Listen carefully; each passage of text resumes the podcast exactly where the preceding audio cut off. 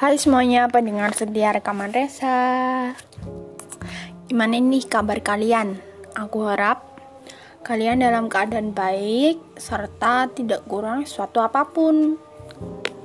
Kali ini aku akan menyampaikan sebuah materi tentang rekayasa genetika. Oke kita langsung aja ke materinya ya. Jadi rekayasa genetika itu merupakan teknik eksperimental yang digunakan untuk mengubah susunan genetik, baik memasukkan atau menghapus gen sel secara in vitro menggunakan material biologi.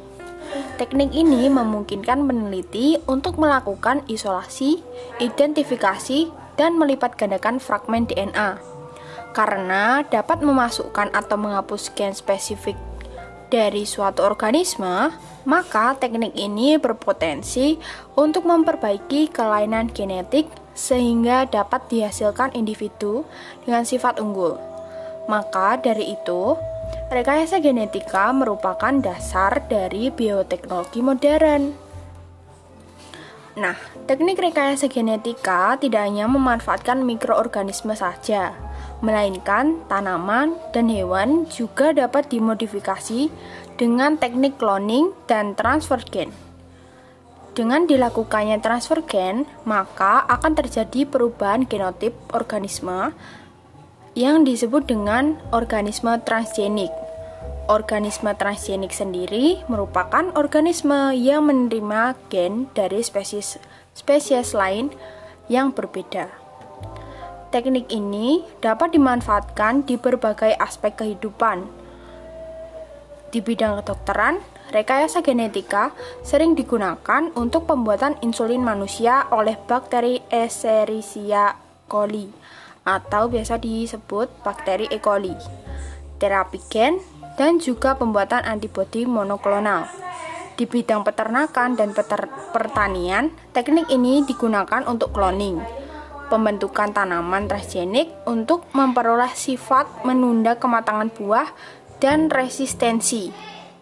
Organisme hasil rekayasa genetika disebut genetically modified organism atau disebut juga dengan GMO.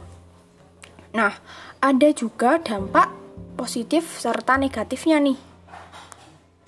Dari dampak positifnya adalah Dihasilkan individu dengan sifat unggul, memperbaiki kualitas genetik, peningkatan kualitas kesehatan manusia, serta peningkatan jumlah panen.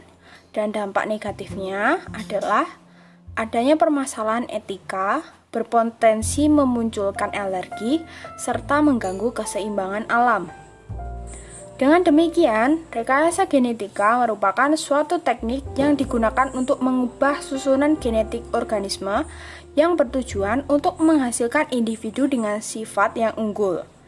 Teknik ini banyak diaplikasikan di berbagai bidang kehidupan serta memunculkan dampak positif serta negatif di setiap bidangnya.